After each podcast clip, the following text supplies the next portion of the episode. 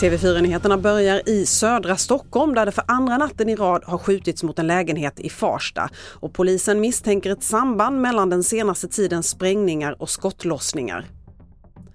Swedbank är sämst av storbankerna på att använda sitt aktieinnehav för att stötta förslag till bättre hållbarhet. Det visar en internationell rapport från organisationen Share Action.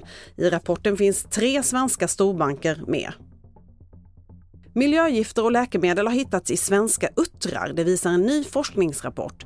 Det gäller även kemikalier som inte får användas längre, till exempel PCB som förbjöds för 50 år sedan.